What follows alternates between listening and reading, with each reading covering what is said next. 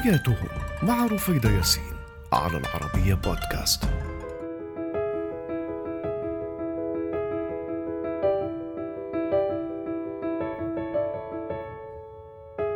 مرحبا أنا رفيدة ياسين وهذه هي حياتهم واليوم رحلة للتعرف على ثقافة شعب عريق وقديم على مر التاريخ.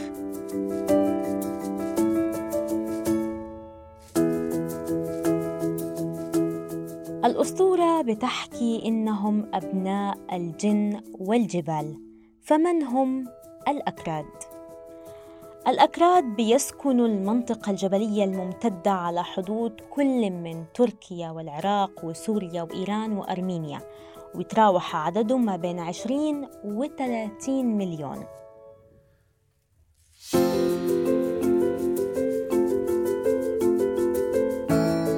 الأكراد بيعتبروا من أكبر المجموعات العرقية في العالم.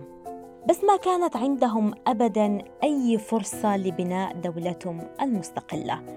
ولكن بعيدا عن تطلعاتهم ودورهم في أروقة السياسة دعونا نتعرف على أصل الأكراد. تاريخيا الأكراد عاشوا حياة قائمة على الرعي في سهول ما بين النهرين. وفي المناطق الجبلية المرتفعة الموجودة الآن في جنوب شرق تركيا وشمال شرق سوريا وشمال العراق وشمال غرب إيران وجنوب غرب أرمينيا. بس الأكراد اليوم بيشكلوا مجموعات بيجمعها العرق والثقافة واللغة رغم عدم وجود لهجة موحدة بيجتمعوا عليها. عقائديا بينتمي الأكراد لمجموعة مختلفة من العقائد والديانات. وإن كان أكثرهم الآن من المسلمين السنة.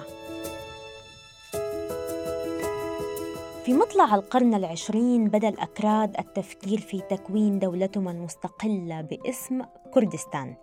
وبعد هزيمة الدولة العثمانية في الحرب العالمية الأولى وضع الحلفاء الغربيون المنتصرون تصور لدولة كردية في معاهدة سفر عام 1920 بس الآمال دي تحطمت بعد ثلاث سنوات فقط عقب توقيع معاهدة لوزان اللي وضعت الحدود الحالية لدولة تركيا بشكل لا يسمح بوجود دولة كردية.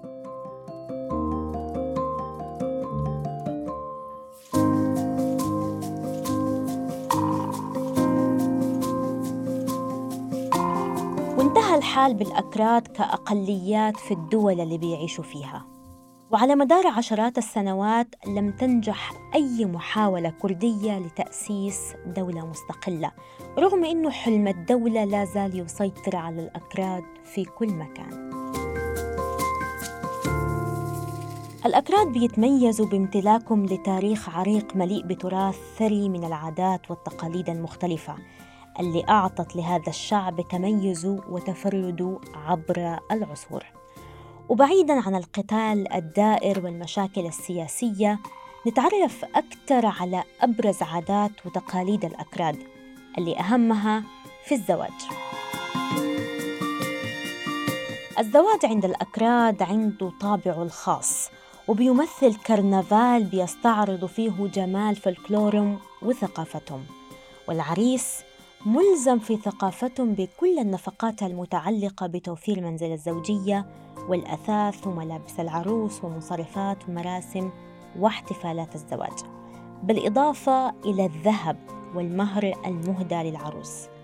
الذهب في الغالب هو الأهم في أي زواج بيكون مكون من الحزام وكردان ودرع وحقل بيتم ارتداء المصوغات الذهبية المختلفة دي فوق الملابس التقليدية الكردية والحلى الذهبية بتكون من أهم مميزات ملامح زينة العروس.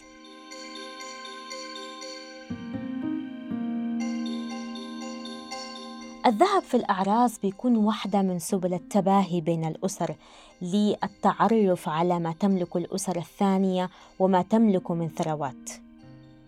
ليلة الحنة بتعتبر هي الأهم بالنسبة للعروس لأنها بتكون آخر ليلة بتقضيها في بيت أهلها وبتكون مخصصة في الغالب للنساء فقط. وبتقام فيها الاحتفالات بالرقص والغناء بالأغنيات الكردية والموسيقى الكردية واللي بيتم فيها الاحتفاء بالعروس في حلقة بترقص فيها قريناتها وبنات أهلها معها بعدها بتقام مراسم الزواج وبيتم اصطحاب العروس لبيت زوجها في أجواء احتفالية. وفي العادة بتستمر احتفالات الزواج لمدة ثلاثة أيام وأحياناً بتستمر لسبعة أيام بالنسبة للأسر المقتدرة. الأكراد زيهم زي أي شعوب تانية. عندهم معتقداتهم وبعض الموروثات اللي بتحكى إنها أساطير. واحدة من الأساطير المعروفة والمتداولة عن الأكراد بتقول إنه أجناس من الجن خطفوا جواري لسليمان وأخذوهم الجبال وتزوجوا منهم فولدت الجواري بشر من ذوي البأس والشدة. وما يقال إنهم هم الأكراد اللي عاشوا في الجبال وأصبح لقبهم أبناء الجن والجبال. وأبناء الجن عنوان كتاب شائع في الأوساط الكردية وضعته الباحثة الأمريكية مارغريت كان في العام 1976 ومن خلال الأساطير نشأ القول المأثور لا أصدقاء للأكراد سوى الجبال. الأكراد بيعلموا أطفالهم من صغرهم ضرورة الحفاظ على هويتهم وبيكلموهم عن حلم الدولة المنشودة والحلم المنتظر باستقلالهم. وفي مراسم خاصة للاحتفاء بقدوم أي مولود فعندما يولد الطفل عند الأكراد بتم حراسته لمدة أسبوع عبر وضع سكين وإبرة كبيرة أو قشرة بصل ليطرد الجن عنه. وده معتقد متوارث وسائد ومعروف في العائلات الكردية وداخل المجتمع الكردي.